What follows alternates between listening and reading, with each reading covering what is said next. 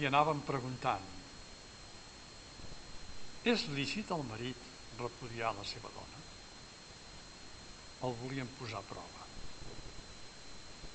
En resposta, els preguntà què us va ordenar Moisès?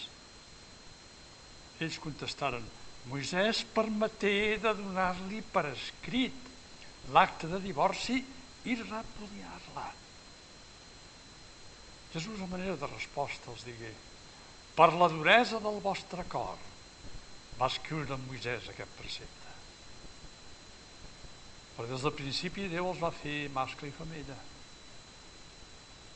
I afegir, per això deixarà l'home el pare i la seva mare i s'unirà a la seva dona i tots dos es faran una sola carn. De manera, de manera que ja no són dos, sinó una sola carn. Allò que Déu va unir, que no ho separi l'home. Un cop en el si de la comunitat, els seus deixebles li tornaran a preguntar sobre la mateixa qüestió. Ell els diu, el qui repudi la seva dona i es casi amb una altra comet adulteri contra aquella. I si la dona se'n va al seu marit i es casa amb un altre, comet adulteri.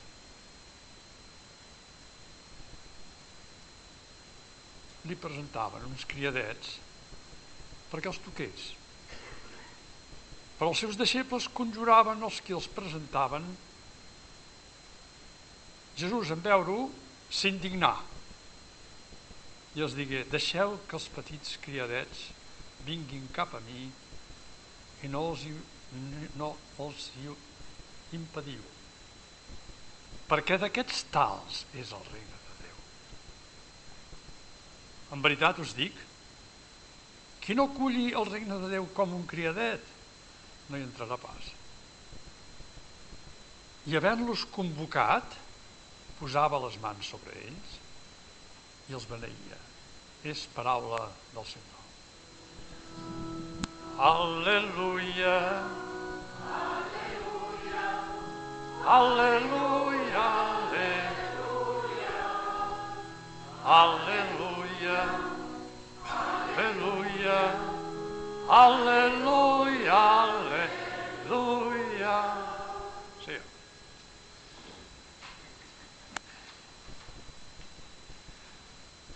Avui a l'entrada havia un que m'ha dit, de vosaltres, diu, a veure com te'n sortiràs avui amb aquest evangeli. I dic, jo ho tinc molt clar, predicaré l'última part. Perquè la primera part la deixo pel sínode de Roma, que comença avui. Tant de bo posin una mica de seny. Que la posin una mica, només, no només una mica, eh? Perquè aquest llenguatge n'hi ha qui l'aguanti. Està molt bé, el gènere sí, la costella i el que vulguis, però s'ha acabat aquest llenguatge. No l'entén ningú. Bueno, si m'ho agafeu al peu de la lletra estem ben lluïts. Penseu que un 50% dels americans encara interpreten la Bíblia al peu de la lletra, eh? Dels Estats Units, eh? 50% diuen. déu nhi eh? I bueno, ja m'agradaria veure què pensa aquí la gent. Bueno, el que han sembrat es recull, eh? O el que s'ha sembrat malament. Bueno, paciència. Mireu, ara vaig a fer una classe avui. Bueno, que quasi faig sempre. Aquest evangeli que hem llegit avui té tres parts. Dues són clares, unides, la tercera és diferent. Però resulta, per un estudi que, tinc, que he fet jo, eh, que les dues primeres parts són una de segona redacció, l'altra de tercera redacció, i l'altra, la tercera, torna a ser de segona redacció. Ja sé que per no us diu res, però a mi sí que em diu. Vol dir que aquest evangeli està com Marc en tres moments diferents. Que hi ha entre una, una, una i l'altra composició hi ha anys i experiències noves. La de primera redacció no la llegim avui, però la vam llegir fa dos diumenges. Curiós. Eh? Anem seguint, però com que està tot barrejat, bueno, jo no, no, no tenen cap... Ai, no, no, no tenen per què saber el que sé jo. Si és que eh, està ben fet el meu estudi. És una proposta. Però vaja, se l'estudi. Comença amb una escena que està a Cafarnou, que és la primera redacció. Més faré per sobre, eh, perquè si no acabaríem. Pel camí, els deixebles, els 12, els importants, els, els capotribus, són capotribus, eh? els 12, van discutint entre ells qui esdevindrà el més important. Això continua, jo ho he pogut comprovar tantes vegades en el meu entorn que ara sí que ho entenc. Perquè això es dona a tots els nivells. Evidentment, el que veiem més és el nivell polític.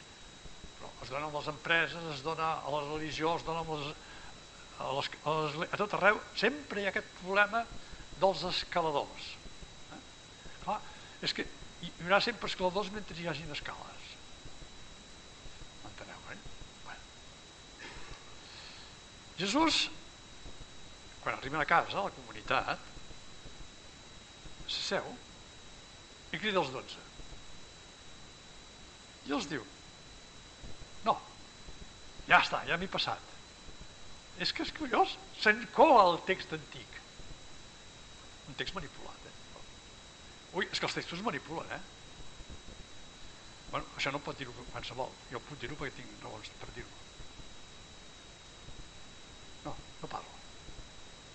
Pren no un, el. No un nen, sinó el petit criat. Aquí hi ha un problema de traducció. El terme grec tant es pot traduir per nen com per infant, com per petit criat o el que vulguis. Agafeu un diccionari grec i ho veureu. Ara, el teniu de mirar un diccionari grec que parli el llenguatge del Nou Testament o de l'Antic Testament o de la Bíblia, perquè es fa, les paraules canvien molt d'un país a l'altre i d'una circumstància a l'altra.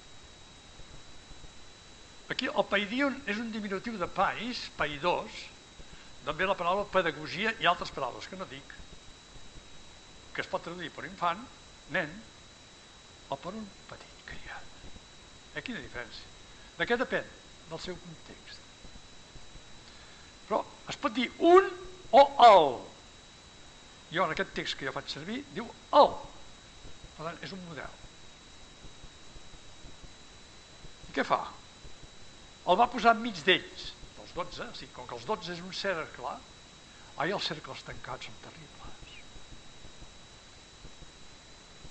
Els cercles tancats són com les llistes tancades.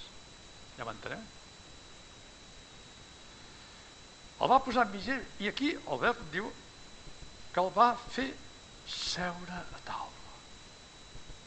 Si en comptes de mirar a l'esquerra, miro a la dreta, aquí a l'esquerra tinc un manuscrit del segle IV. I a la dreta tinc un manuscrit del segle IV. A l'esquerra tinc un manuscrit que es va llegir durant segles,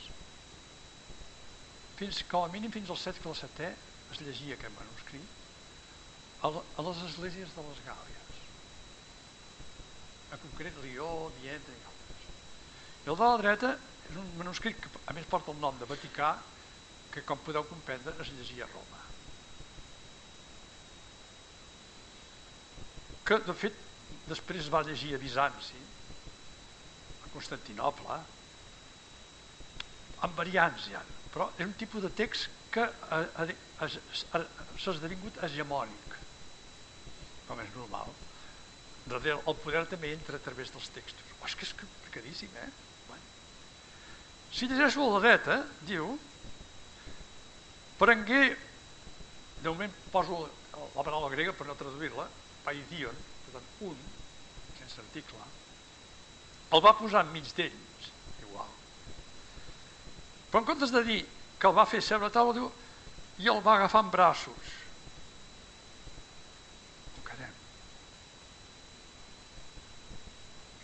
Els verbs són diferents. Només perquè veieu com sonen. Seure a taula, diu, fer seure a taula, diu, anacrisàmenos. Agafar-lo en braços enancalisàmenos. Anacline, que ve de, derivat de la taula, enanque, que són els braços, derivat dels braços. Qui té raó? Per l'Església de Roma aquest, per l'Església de les Gàlies l'altre. De què depèn? De la transmissió. Per l'altre és majoritari, doncs aquest és el cabal. I és que el que és gros és que en totes les edicions crítiques que fan servir avui dia els científics es fa servir el text de la dreta. Ja està, està consagrat. Encara, si mireu la pràctica, encara el trobareu l'altre. A vegades i, i fins i tot això desapareix. Quan jo començava a treballar aquest text, se me n'enreia. Ara posen cas de sèrie, estan preocupats. Perquè no som únics. La primera redacció. I continua. Aquell que aculli un d'aquests petits criats, en nom meu, sí, no, eh? estan com si representés a mi, a mi m'acull. I aquell que m'acull a mi, acull el meu pare que m'ha enviat. Ah, caram, escolta, aquí, això és molt directe, eh? No continuo perquè això és la primera redacció. Passem ara a la... Deixem de banda tot això del, de, la, de la costella, d'una sola carn, de, de l'adulteri, del repudi, és un altre llenguatge, a veure si un dia es posen, es posen assenyats i busquen un llenguatge que sigui entenedor. Perquè, sí, sí, poden parlar, l'Església pot parlar el que vulgui, jo no, no contradiré mai, no m'hi ficaré en aquest punt. Només dic que no serveix pel, pel carrer, no serveix. I la gent fa el que li sembla. No dic que estigui ben fet, és així. Es casen o no es casen. Vosaltres felicitats, són 50 anys, és maco, heu sigut fidels amb una forma de vida. Però n'hi ha altres que seran fidels amb una altra forma de vida. Eh? Cal que s'escandalitzi el Vaticà perquè ara hi ha un, un que s'ha declarat homosexual. I per què? Perquè s'han d'escandalitzar. Que no és una forma també de vida. És a dir, estem, estem entrant en una època en què allò que abans era sagrat, home, per favor, sí, Transplanteu-vos només, canvieu una mica, de, aneu a, a l'altra banda del mar i, i aneu a un país musulmà i veureu com us trobareu. I potser alguna, alguna dona quedarà lapidada, no? És que encara estem aquí, ho tenim tots una avui dia, encara. Està canviant tot això. Jo no dic que siguin positius, és el món que canvia. Canvia el llenguatge. I l'Església que hauria de fer, no, sap que no hauria de fer res, callar. No, no, necessitem bons mestres, eh? Això és altra qüestió. Bueno. En deixo davant d'aquest punt. Eh? Sabeu que jo tinc una vitrina, em poso tota la vitrina i així no em preocupa més. I ara me'n vaig un passatge que han llegit avui, al final. Diu, li presentaven uns petits criats. Bueno, si tradueixo per un per nen, li presentaven uns nens. Aquí depèn del traductor, però veureu el context. Per què els toqui? Ai! Perdoneu, no hi entenem res. No estem en el món jueu. Aquí has de fer un canvi de, un canvi de mentalitat, mirada. És possible? Una mica sí, perquè avui dia coneixem molt bé, després, sobretot després del, dels descobriments de Qumran, tenim un coneixement bastant bo del judaïsme del temps de Jesús si qui vulgui tenir-lo. És que el fet de tocar té que veure amb el pur i l'impur, que és la Torà, és la llei. Encara hi ha, encara hi ha resàbios que diuen que ja està. Com que parleu tots ja m'està bé. Eh, encara, vosaltres, la, teva mare se'n recordarà això. Quan jo era nano, jo soc tercer de, de 12, quantes vegades la meva mare es va haver de purificar? I li feia... No estava d'acord, eh? La meva mare era... Però ho havia de fer, si no, no podia anar a missa. La primera setmana eren vuit dies. I el vuitè dia ens batejaven. Jo estic batejat el vuitè dia. Va, dic perquè encara quedaven res sàvios, res, eh? això. Aquí hi ha uns individus molt curiosos. Ni presentaven, qui són? Quan busqueu el nom, us situeu en el món del poder. Ha! Presentaven. Aquests que no figuren mai, però que actuen. Són uns voluntaris, però intel·ligents. Hi ha un problema. Aquí hi ha un petit criat que l'han deixat de banda, marginat, perquè és impur. No sabem quins són els motius d'impuresa. S'expressa de moltes maneres. L'explicació més senzilla és aquest no respecta la Torà, no respecta la llei. L'han declarat impur perquè no s'identifica en el món sinagogal, per dir-ho així, el del temple. I li presenten a Jesús. Si van cap a Jesús saben que Jesús no hi creu, en pur i l'impur, que aquest precisament volen que Jesús públicament digui que ell no creu en la llei del pur i l'impur, potser per denunciar-lo. És curiós que aquí, en aquestes coses que faig servir jo, no diu qui són els que reaccionaran. Perquè ve d'abans. Abans diu, va anar eh, a l'altra banda del Jordà i es van reunir la multitud. En canvi, el text normal diu els fariseus. No m'estranyaria que fossin els fariseus, però no cal que ho digui. Ah, que em la pàgina. Deia, ah, m'estava perdent. Però els seus deixebles, que hi ha un però molt gros, eh? es posaren a conjurar. En el text normal diu que renyaven. Què quantes? Això és mala traducció. Aquí sí que està traducció. El verb utilitzat aquí és un verb molt dur, que significa llançar un conjur contra una persona perquè considero que aquella persona està endimoniada, posseïda per un mal esperit per una ideologia. N'hi ha. Imagina quantes ideologies contràries a l'home hi hagi que pol·lulen per aquí, totes són endimoniades. És que de dimonis n'hi ha més que no pas els dels pastorets, eh? N'hi ha molts, eh? Des del punt de vista dels deixebles, aquests individus estan endimoniats i els conjuren. En el text normal, quan controduït per nens, i els seus deixebles els conjuraven, però no sabem qui són. Eh? En canvi, aquí, el, el, el, aquest còdex pesa, diu, conjuraven els qui els presentaven. Eh? Bueno. Veient Jesús la situació, s'indignà.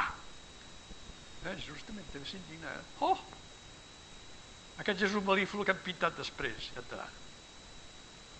I els digué, Deixeu que els petits criats vinguin cap a mi. Ho hem traduït. Deixeu que els nens vinguin cap a mi. Ja ho hem diluït tot. Eh, no s'acaba aquí. I deixeu d'impedir-los que vinguin cap a mi. En, en positiu i en negatiu, en imperatiu, perquè ho estan fent. És normal que canviï el text perquè ja es van sentir retratats, uns cels fi.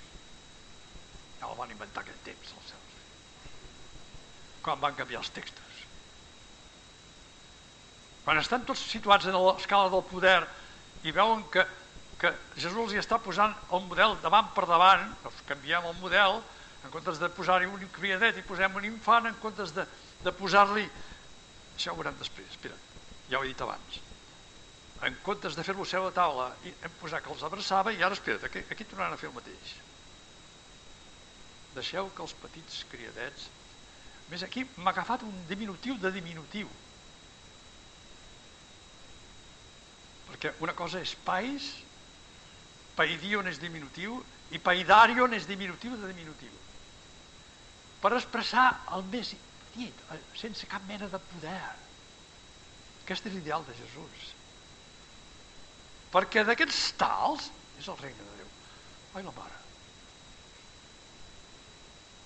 escaladors, què fem? Si no? Tots els escaladors no pertanyen al regne de Déu. El regne de Déu és de base. Sense poder. En veritat us dic, quan diu això és molt seriós? Quan diu en veritat us dic, o amen, amen, dico vobis, com en fèiem en llatí abans, quan hi posem aquest amen, de debò, en veritat, vol dir, ep, atenció, és un toc d'atenció. El que no rebi el regne de Déu com un païdil, aquest no hi entrarà mai. És que deu estar mig buit el regne de Déu. Això és vàlid pels catòlics protestants, eh, ortodoxes, eh, musulmans, per tots. Aquest llenguatge és vàlid, vàlid per tots. És un llenguatge universal. Perquè el regne de Déu és el regne de la creació. Però la creació allà on Déu volia arribar, vol que arribi. De moment, per nosaltres els creients ens ho han mostrat en una persona que es diu Jesús. Diu, allà vull que arribeu. De moment nosaltres estem encara tots, tots plegats. Anem progressant, eh? anem progressant, eh? perquè hi ha una capacitat avui dia, per exemple, d'atenció, de, d'escoltar. De, ho veus en la manera d'actuar la gent, que no és la de fa 30 ni 50 anys, eh? Ha canviat.